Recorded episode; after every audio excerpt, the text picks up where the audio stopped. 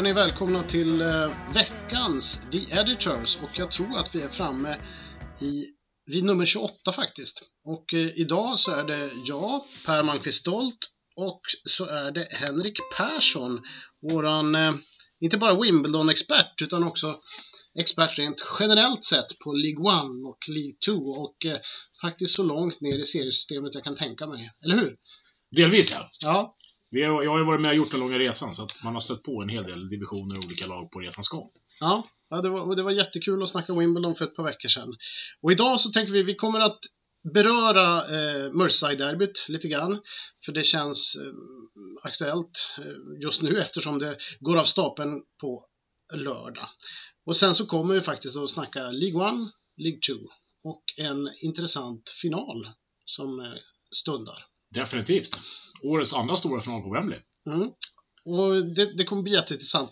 Men vad har du för relation till Merseyside-derbyt? Alltså det, det är ju den klassiska grej som man alltid har växt upp med. Det har ju alltid varit otroligt tuffa möten liksom. Så när man växte upp och så tittade på Tipslördag så var ju liksom, det här var ju de stora drabbningarna som lyftes extra varje helg liksom. Så att det är ju någonting som man alltid haft med sig liksom. Mycket passion och Ja, och det var, det var ju, jag växte upp med det också. Passionen var just det här äh, frenetiska tempot. Och jag såg idag också var det Evertons andra som gick ut och sa att han, han har aldrig varit med om ett, en, en match eller ett derby där tempot är så oerhört högt. Och då är det ändå liksom lite lugnare nu för tiden än vad det var när jag växte upp på 80-talet till exempel. Då var det ju de två bästa lagen i England, kanske i Europa. Då var det, ju, det var ju liksom helt tokigt. Dessutom lite andra regler. Så Steve McMahon i Liverpool och Peter Reed i Everton, de eh, clashade ju alltid, eller ofta i början av matchen, så såg härliga till. Och där var det ju, man har ju beskrivit det, att två touch, det var omöjligt. För två touch, då låg du ner på backen om det var en sån eh, tillställning. Så det ska bli spännande. Nu är det mycket skador inför eh, helgens. Jag såg att Liverpool hade borta Adam Lallana, Sturridge då förstås, vad jag förstått. Eh, Everton har ju fått eh, tuffa skador i Seamus Coleman och Ramiro Funes Mori. Båda eh, kan man konstatera att säsongen är över för, tyvärr. Och det är ju landslagsuppehållet. James McCarthy, eh, en tillbakagång, eh, blir borta lite till och så vidare. Så vi får se hur, vad det blir för laguppställningar till helgen. Det var ju en brutal tackling i Seamus Coleman åkte på där mot eh, Ja. Wales. Den var ju fruktansvärd. Det var ju otäckt att se alltså. Ja, och det är alltid det där när benet hänger, man ser verkligen att det gör ont och att det har gått av. Dessutom är ju Coleman en, en, eh, det är en av de stabila killarna i Everton som alltid gör, framförallt alltid gör sitt yttersta och är lite grann av en ledartyp också. Dessutom bra många gånger. Jag tycker han är en av de bästa högerbackarna som, som finns i, i Premier League idag. Stort avbräck, verkligen alltså. Det är ett stort avbräck. Men du hade lite koll på Francis Jeffers. Ja, jag, jag satt och gick igenom inför Merseyside-derbyt här. Jag Mm. hörde av mig till mina två bästa polare som är eh, riktiga inbitna Liverpool-fans och frågade vad jag skulle prata om. Liksom. Ja, Så att man går in med en annorlunda touch. Och då var ju en sak som dök upp som de tipsade om, det var ju att eh, Merseyside-derby kallas ju alltid för the friendly derby. Mm. Men tittar man på starten sen Premier League drog igång så är det väl det derbyt i Premier League-historien som har mest antal utvisningar. Mm. Och går man igenom och tittar på hur fördelningen är så, så vinner ju faktiskt Everton den interna derbystatistiken gäller antalet utvisningar. Mm. Och går man igenom och tittar så är det en viss person som dyker upp som heter Francis Jeffers och det var ju ett så kallade underbarn som var underbar i flera Mm. år men som aldrig riktigt kanske kom till skott och blommade ut alltså. Nej, Everton har ju framförallt på senare, eller Everton har alltid varit en plantskola, det har Liverpool också varit. Det har kommit fram fantastiskt mycket spelare genom de två klubbarna trots att städerna inte är så stora. Men det var en period också när det var många spelare som kom fram, slog igenom ganska ordentligt och så tillvida att de hamnade i A-landslaget ganska snabbt, som Francis Jeffers. Men sen när, när karriären skulle tas ytterligare ett steg, han gick till Arsenal för rätt stora pengar. Och jag vet att det var mycket snack om att du skulle, borde nog stanna i Everton ett tag till. Men han var ju då ambitiös och ville gå vidare. Men eh, där tog det stopp. Där tog utvecklingen stopp och sen så blev det eh, i de lägre ligorna under hela resten av karriären egentligen får man säga. En tanig kille men, men liksom en, en riktig målgörare. Men det var, vi, vi saknar lite grann att eh, han inte blev så bra som vi trodde att han skulle bli faktiskt. Och det är en kille som har varit mycket ute och snurrat. Han har ju varit i Australien, han har Mm. varit i Malta, försökt testa lyckan. Och nu är han tillbaka i Everton som någon form av ungdomstränare tror jag, eller något sånt där. Så att det, det är bra. Och just utvisningarna är rätt tufft. Det var, derbyt har ju Derbyt kanske inte betyder lika mycket idag som det har gjort tidigare. Det ska man kanske erkänna. Det, det betyder väldigt mycket för de som bor i Liverpool, men för Liverpool FC så finns det också en, en kanske större hat mot ehm, eh, Manchester United idag.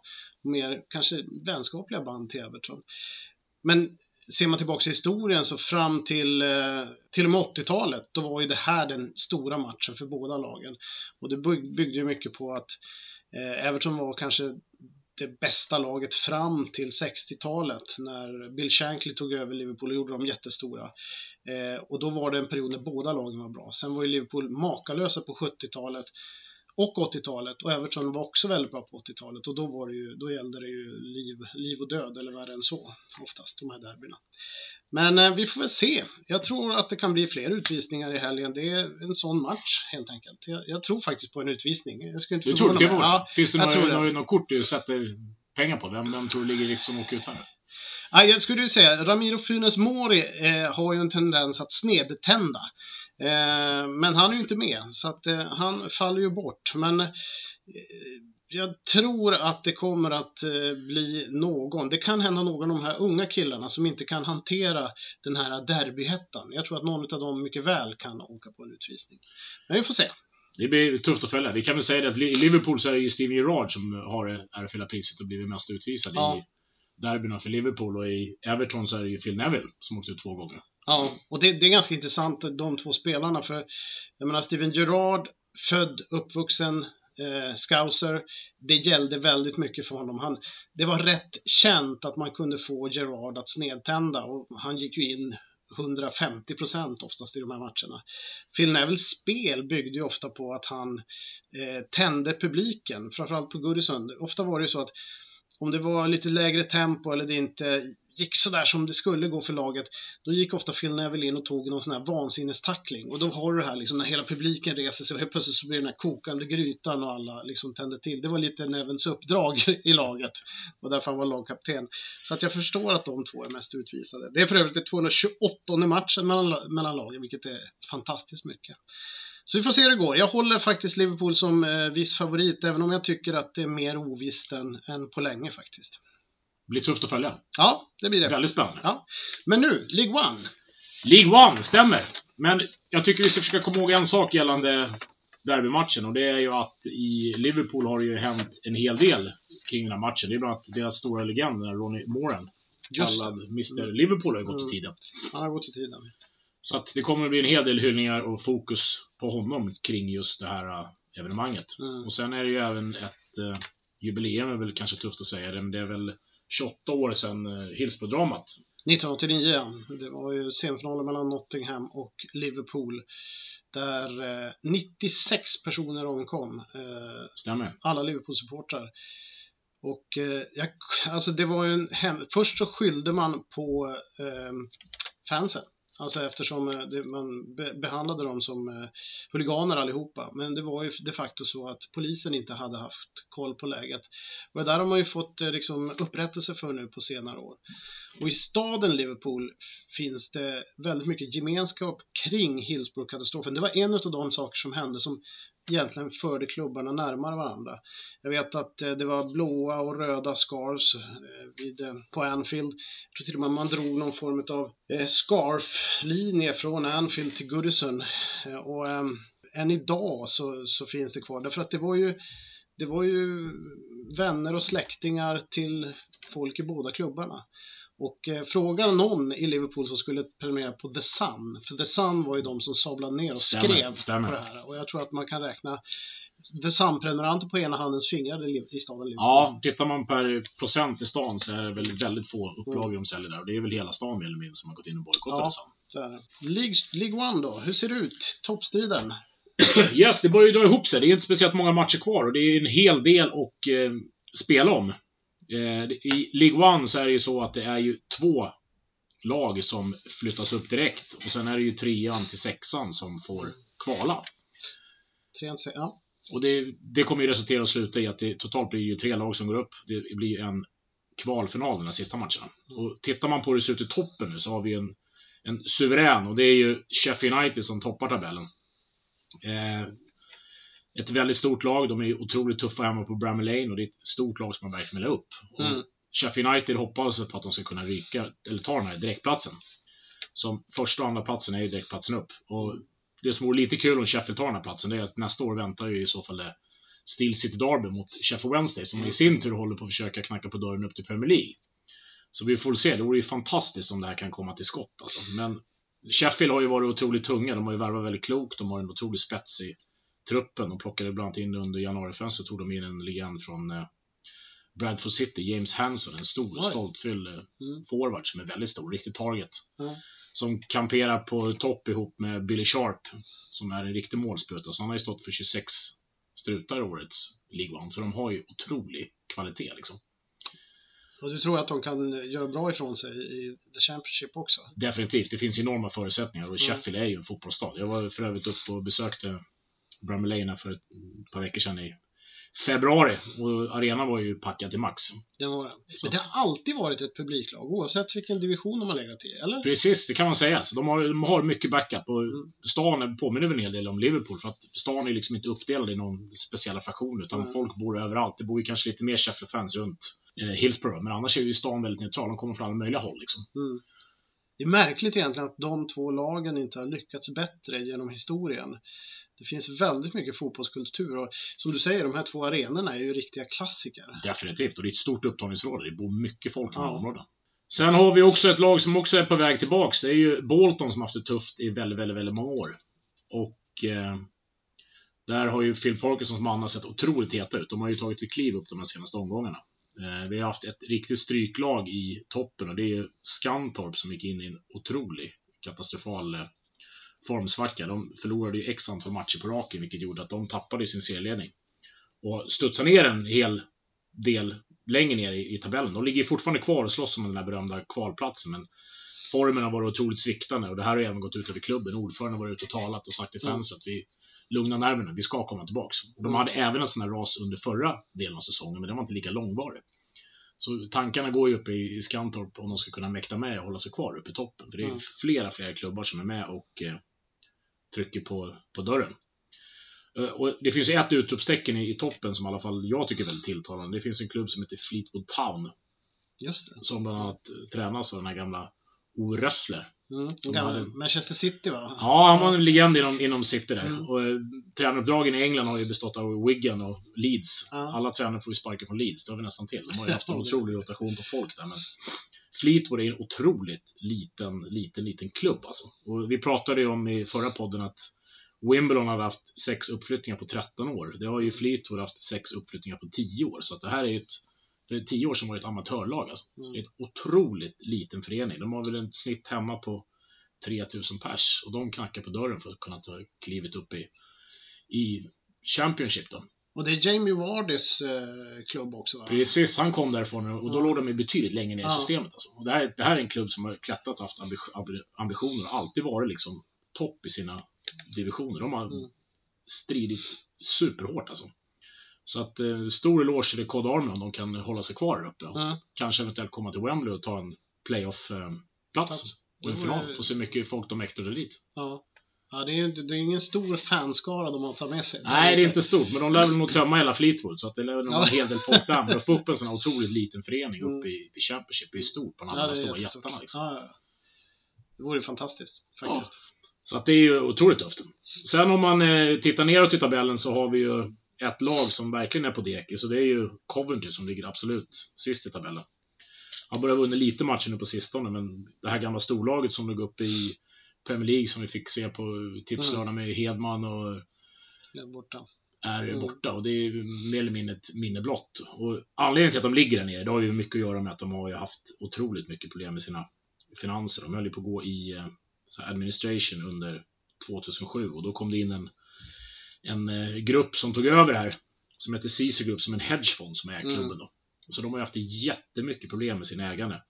Eh, och de lämnar ju även sin gamla arena, Highfield, va? Highfield Road. Highfield Road, ja.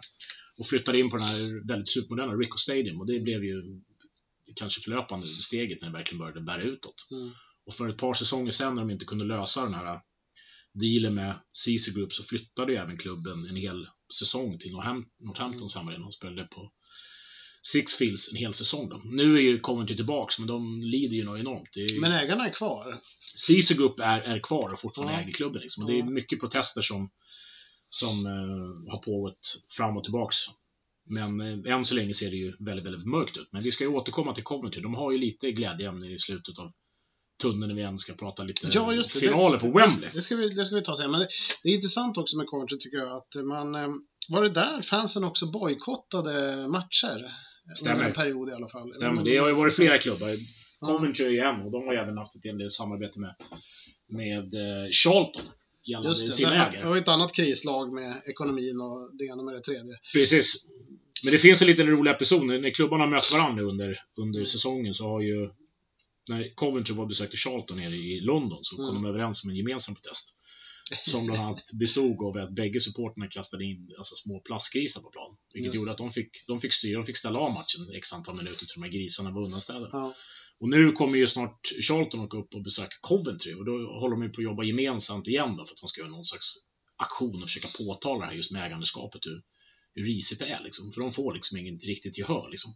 Ja, det är ganska intressant det där, för det finns alltså rätt mycket supporterfraktioner runt om, ända upp i Premier League, liksom där man är rätt aktiva och visar sitt missnöje när det sker något missnöje. Och intressant att se om man får ut någonting av det. En del tror jag faktiskt får det. Jag menar, eh, i Evertons fall vet jag att man ändrade klubbmärket tack vare det. Man, det var en reklambyrå som tog fram ett nytt klubbmärke. Fansen protesterade, ja man ändrade det och gick tillbaka och så fick fansen rösta fram ett klubbmärke. Så det, det händer lite grejer. Det finns lite folkligt uppror ändå som pågår. Definitivt. Det är, fotbollen eh, har en stark anknytning alltså. Coventry för övrigt, bara en en de- detalj. Det, jag tror att det var den klubben som, eh, förutom då möjligtvis Arsenal och Everton, eh, som i princip alltid har varit uppe i högsta ligan, så var de en av de klubbar som hade längst svit, alltså från 60-talet fram tills att man åkte ut eh, rätt nyligen i alla fall. Eh, och det är en ganska tuff verklighet som de befinner sig i nu jämfört med hur det var en gång i tiden. Sen har vi ett annat lag också vi måste inte glömma bort att nämna i botten. Det är ju Swindon Town. Just det. Där har ju faktiskt eh, Tim Sherwood, Mm. gamla eh, spelaren och även tillika tränaren i eh, Villa och Spurs gått in som managing director av fotboll. Jaha, Och det har väl inte riktigt gått så bra. okej. Eh, Sherwood har haft stora visioner om att försöka kanske göra någonting med Swindon. Men det har ju inte gått speciellt bra. De har ju haft en väldigt lång förlustsvit. Sherwood har ju även varit eh, utsatt av förbundet för han under en viss match mot eh, Bure här innan årsskiftet betedde sig väldigt illa. Mm. Så att många av de här gamla forna spelarna ska försöka skola om sig och försöka bli någonting annat. Det är en tuff väg att vandra liksom. Och frågan är hur länge tålamodet finns med, med Sherwood i Swindon där det till och med pratas om att det inte finns någon kontrakt utan han är där på ett mer eller mindre ett handslag för att han ska försöka göra någonting med, med Swindon och försöka få dem kanske tillbaks upp en division i alla fall. Sherwood, han har ju faktiskt sjunkit som en sten. Han ansågs ju vara väldigt lovande som coach och tränare. Tror jag när han tränade, var det Tottenhams ungdomslag eller något sånt där, så ansågs ju han som en av de oslipade diamanterna. Men sen när han fick chansen på högsta nivån, liksom, eller huvudansvaret, då har det gått rätt dåligt. Så det känns ju som att han är verkligen på dekis faktiskt. Definitivt. Vi får se hur de reder upp den här situationen. Swindon ligger ju för närvarande på en 22 plats vilket innebär att de ligger ju på en eh, nedflyttningsplats. Mm. Så de är på väg att vandra ur och rasa ner i League 2. Så vi får se om Swindon har någon så kallad Great Escape Plan för att kunna hänga sig kvar. Ja, ja, det ska bli spännande att se. Och när vi pratar om League 2, hur ligger läget där då? League 2, där har vi spelat, eh, eller vi kommer gå in och spela den 40 omgången nu till helgen. Och eh, tittar man i toppen där så har vi ju ett gäng storlag som eh, knackar på dörren för att eh, åter hoppa upp i systemet. Och från League 2 så har vi ju fyra lag faktiskt som går upp. Så att, Mm. eh, det är ju en rätt tacksam division att gå upp från, men det krävs ju en hel del. Och ett lag som för närvarande ligger på andra plats och en direktplats är ju Plymouth Argyle som har försökt i x antal år att försöka studsa tillbaks. Och de hade ju en eh, tränare som hette John Sheridan som försökte i ett par år som aldrig riktigt, riktigt lyckades. De förlorade kvalfinaler och eh, missade precis kval. Och förra året så blev, torskade de faktiskt kvalfinalen mot eh, AFC Wimbledon på Wembley. Och Det var Mm. väldigt, väldigt, väldigt, väldigt otippat. Men nu ligger de på en direktplats ser otroligt starka ut och eh, Plymouth Argyle har ju faktiskt kvalitet. Alltså det är en riktigt eh, fin stad. Det är värt ett besök att åka dit. För Home Park, det är en sån riktigt klassisk arena som verkligen utstrålar fotboll. Men det är ju en av de där klubbarna som jag...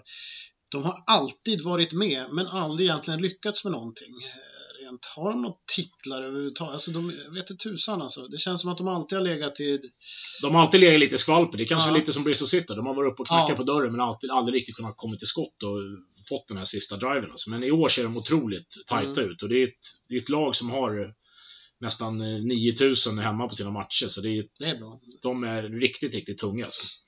Och sen eh, jagas de ju kanske av eh, en eh, konkurrent, en riktig rival och det är ju Portsmouth, Pompey, som också ligger på en direktplats. Ja, Och där vet man ju alla vilken resa Portsmouth har gjort den resan. Kommer man till Fratton Park och går in på arenan så sitter ju den här klassiska skylten upp att de vann fa Cup-finalen 2008. Mm. Eh, Harry Redknapp satt ju vid rodret Mm. och de hade ju spelare som eh, Glenn Johnson, Sol Campbell, David James, Peter Crouch. Så det var ju ett väldigt, väldigt eh, stort lag. Sen kom ju också det här grejen med själva ägarstrukturen som gjorde att klubben hade, fick finansiella problem och eh, rasade neråt i seriesystemet. Men, de eh, värvade ju rätt tungt där ett tag. Alltså, det var ju dyra spelare tycker ja, jag. det var, det var kvalitet som kom till Ja. kuststaden. Alltså. Ja. Pompeji ska vi säga är ju inte heller någon liten stad. Det är ju Nej. en otroligt trevlig, trevlig och trevlig. Men det, det är en stad som inte ligger så långt från London, även en studentstad. Så att Mm. den är helt klart värd ett besök. Men under 2013 så försökte ju staden och supporten med att ta tag i det. Så att det är ju för tillfället Englands största medlemsägda klubb. Ja. För tillfället då. För man ska komma ihåg att för stunden så är eh, en eh, finansman som heter Michael Eichner som har ett förflutet inom Disney bland annat och Paramount Pictures. Mhm. Amerikansk finansman, låter lockande. Mm. Som är i ensam förhandlingsrätt nu med klubben för att han är ju multimiljonär och han vill gå in och eh, skjuta in pengar i Pompey. Så att klubben har gått in i en, eh, ja, som sagt, en förhandlingsrätt, en 70 dagars period där de ska validera och utvärdera det här Ja. anbudet då och se vad den här Michael Eichner kan tillföra. Och då bygger det på att 75% av supporterna som är delägare i den här Pompey Trust måste svara ja för att han ska kunna få komma in i klubben och Mm. bli en del av det övertagandet. Det är intressant för man vet ju aldrig och just amerikanska ägare har ju sällan varit någon succé. Jag kan inte komma på så många som... Men det är klart att det där är ju individuellt. Portsmouth vann för övrigt. De, de har två ligatitlar eh, efter varandra, 1949 och 1950. Det vann de två säsonger på raken. Riktigt tungt då. Titlar är alltid titlar alltså. Titlar är titlar. Sen har vi ju alltså suveränen i toppen. Det är ju Doncaster som rasade ner från eh, League One förra säsongen som håller på att studsa tillbaks. Och där har vi ju en kille vid rodret som heter Darren Ferguson som är son Mm. till Sir Alex Ferguson. Och som assisterande tränare, det får väl Per kanske förklara mer Mm. sen, men han har ju Gavin Strachan som är son till Gordon Strachan. Mm. Och hade den här kombinationen funkat mellan fadrarna Nej, inte för fem öre. Det är det. Alex Ferguson tränade ju först Aberdeen där han vann jättemycket titlar med i Skottland och där spelade Gordon Strachan. Men eh, de kom inte överens och Gordon Strachan lämnade Aberdeen för Manchester United. Eh, och eh, när han fick sen reda på Gordon Strachan att Alex Ferguson när Ron Atkinson, managern, fick sparken och Alex Ferguson anlände 1986 då var tydligen hans enda svar oh no, när han hörde Alex Fergusons namn nämnas och att han skulle in. Men tydligen så höll de hyfsat, eh, de drog hyfsat jämnt i början, för han var kvar ett litet tag, men sen drog eh, Strachan vidare till eh, Leeds, där han faktiskt vann ligan. Stort. Doncaster konstrar för övrigt ett väldigt tufft möte i helgen. När på senare tid så har eh, en stor rivalitet bloffat upp med Grimsby Town. Jaha. ja. Så att de här lagen har en otrolig rivalitet. Så att det är en, eh, de räknar med en utsåld Blunder Park nu på lördag. Det är tidig avspark också. Ja, Så att det är fullt fokus på den här matchen. Det här är lag som inte har mötts på väldigt många år, men mötena är stenhårda. Så Grimsby räknar jag här som det största mötet på hela säsongen. När serieledaren Doncaster kommer på besök. Så vi får väl se hur det, det där tar och slutar. mm. ja det ska bli spännande. Kul, kul om det går lite bra för Doncaster också. En av mina favorit eh, expertkommentatorer, Ian Snowdin. Han spelade i Everton på 80-talet och är numera en sån här expertkommentator på Everton Radio och jäkligt rolig att lyssna på. Han eh, var Doncaster-spelare och det är alltid, när- liksom, när de kommenterar Everton-matchen så frågar han alltid efter Doncaster-resultaten. Han hade en bror också som heter Glyn Snowdin på båda var hyfsat kända på 80-talet. Ian Snowden är för övrigt känd för att ha nobbat Kenny Dalglish och Liverpool till förmån för Howard Kendall och Everton. Eh, jag vet inte om han är nöjd så här i efterhand. Han vann i och för sig en ligatitel så så illa kan det inte vara. Men sen har vi ju en eh, cupfinal som stundar. Yes, vi kan väl säga att vi har den andra cupfinalen för året. Ja. Den första var ju legcupfinalen när, som vi sa, att Zlatan mötte Ja. Southampton. Mm. Men vi har en väldigt kritiserad final som spelas nu den andra i fjärde. Det är på söndag. Eh, Och det är finalen i så kallad Checka Trade Trophy, det här som tidigare hette GPT, Johnstons Paints Trophy. Och för er som kanske har varit med ett tag så hette det ju även LDV, LDV Vance Trophy innan. Mm. Eh, och den här skapades ju 1983, den här eh, kuppen. Och det, först och främst berörde ju League 1 och League 2-klubbarna Mm. som möttes. Eh, ofta i norr och en södergrupp, hemma bortamöten. Som senare resulterade i att eh, i en final på Wembley. Så det var ju en chans för de här mindre lagen och eh, få komma till Wembley. Längre ner i systemet så finns ju FA Trophy, FA Vase och sånt. Mm. Men de här mellanskikten var det otroligt svårt att kunna ta sig till en cupfinal.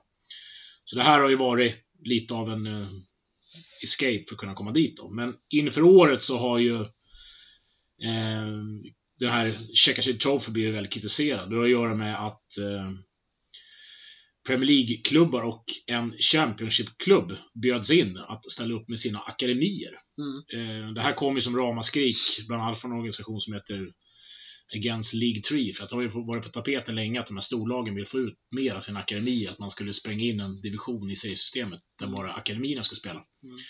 Så att i den här Checka Trade Trophy har det nu bjöds in, som sagt, 16 klubbar. Storlagen valde faktiskt att tacka nej. City, United, Chelsea, Liverpool, Arsenal, Tottenham och Newcastle som var det så kallade Championship-laget.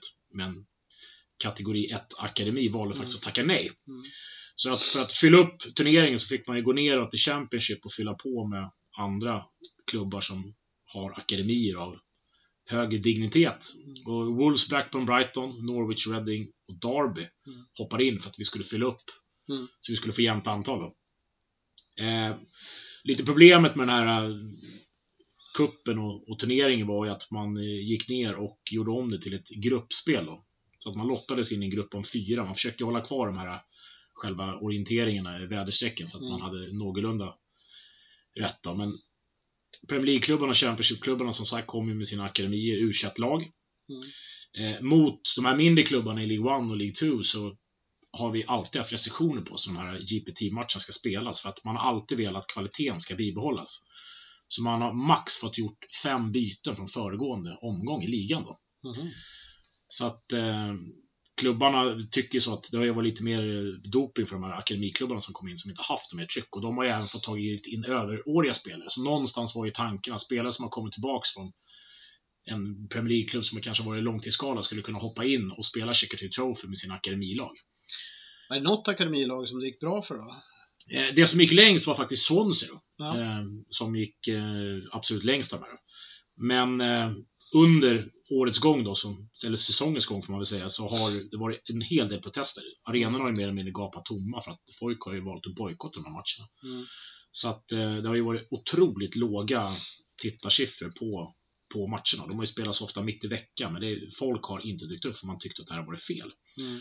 Eh, och som jag pratade om tidigare med bötfällningen så gick det ut x antal bötfällningar i november där klubbarna från League 1 och League 2 fick straff på sig för att de hade bytt för mycket spelare. Mhm. Och en väldigt tydlig protest var det här att Bradford i en match valde att eh, sätta in sin ordinarie målvakt för att göra ett byte tre minuter senare för att man skulle kunna undgå och klara av den här grejen. Så det har varit en otrolig, en otrolig resa under säsongen. Det har varit väldigt kritiserat. Och vad som händer inför nästa säsong är väl mer eller mindre klart. För att de har väl satt, sagt att de ska sätta sig ner och utvärdera hur vi ska gå vidare med den här kuppen. Mm. Så att vi får väl se, men det stora i i kuppen är ju nu i alla fall att i final nu på söndag så är faktiskt Coventry i final. Det sjunkande skeppet från, Yes. från League One.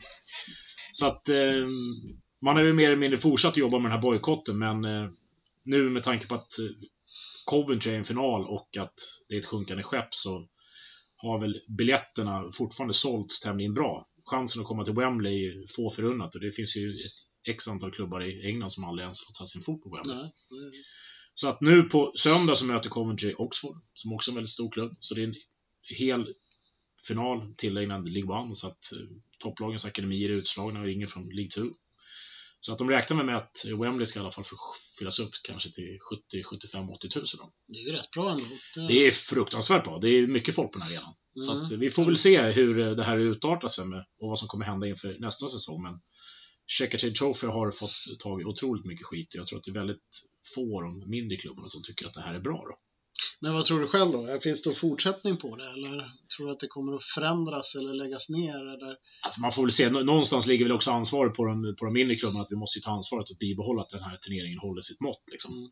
Så att eh, förhoppningsvis så slopas ju det här med att Premier League-klubbarna eller kategori 1-klubbarnas akademier ska få vara med och delta där. Ja, Det finns ju andra forum att de spelar så att det blir en renodlad turnering för League 1 och League 2 och hellre säga att man bjuder kanske in konferenslagen istället för att man plockar in akademi. Så blir det mer. Ja, det finns väl FA Youth Trophy och eh, liknande turneringar. Det är ju rätt, eh, det är rätt tuffa serier de har i U18 och U21 eller U23, jag vet inte vad de säger.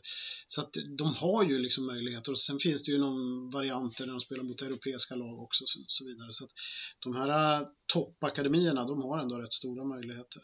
Sen tycker jag det är lite intressant det där med England. De har, det, det, det är ju så, det finns så mycket nostalgi och så mycket vad ska man säga, glamour över att få beträda Wembleys gräsmatta, få spela en cupfinal. Så man har alltid haft en tendens att skapa fler kupper för att liksom på något sätt få den känslan. Jag kommer ihåg när, när man var avstängd från Europaspelet i slutet på 80-talet. Då hittade man på massa konstiga kupper som eh, egentligen, om man ska vara riktigt ärlig, eh, de här lagen som spelade i dem inte tyckte det var särskilt kul att spela. Och det var finaler hit och dit och man lyfte bucklor och eh, så här i efterhand så är det ingen spelare som nämner dem ens liksom, överhuvudtaget. Och eh, det var jättelite publik och, och så vidare. Så att man får inte riktigt fart på dem. Sådär. Men de här, det du nämnde, de här FA Trophy, de här, det är ju sådana här gamla traditionella kupper som fortfarande har stark lyskraft. För det är väl de som är utanför ligasystemet, Precis, alltså de det stämmer. högsta. Och hela våren nu när vi går till möte så är det ju ett x antal cupfinaler och även ett gäng playoff-finaler som kommer spelas. Ja, Så att Wembley kommer ju anmälas väldigt flitigt nu fram till våren och enligt mig är de här playoff-finalerna från League 1 upp till League 1 och från League 1 till Championship även från Championship upp är vi kanske de. Bästa matcherna på året för det betyder så otroligt mycket. Då är vi inne på den här klassiska engelsk fotbollen, då är det spark och spring och det är vilja som avgör. det vill jag små. Så att det är otroligt fina matcher. Så vi får väl se vad som händer i den här cupfinalen. Om Coventry får lyfta en buckla i den här misären de befinner sig i. Det kanske vore lite plåster på såren. Det vore väl unt. Jag minns när de vann eh, FA-cupfinalen 1987 mot Tottenham med 3-2. Det var en rejäl skräll kan jag säga. Tottenham var rätt stora favoriter då. Eh, Men du då, hur ser din helg ut då? Vad ska du göra? Ja, alltså det här är ju en eh, full, fullspäckad helg. Ja. I morgon så blir det ju faktiskt fullt fokus på den, på den svenska fotbollen. För att, Du ska eh, gå på allsvensk premiär. Ja, imorgon är det tippning vad som händer inför kommande säsong. Så Ja, det det blir väl att sätta sig och smida hjärnen. och så Du är seriös. Du laddar upp på riktigt. Ja, det är seriöst. Det här, det här är en stor dag. Ja. Som vi, har, vi har kört en sån här tippning i 15 års tid så det är väldigt stort. Sen hoppas jag ju kunna avnjuta lite av Merseyside-derbyt på, Mm. på lördag. Ja, jag tänker banka mig för att det blir huvudpucken på lördag.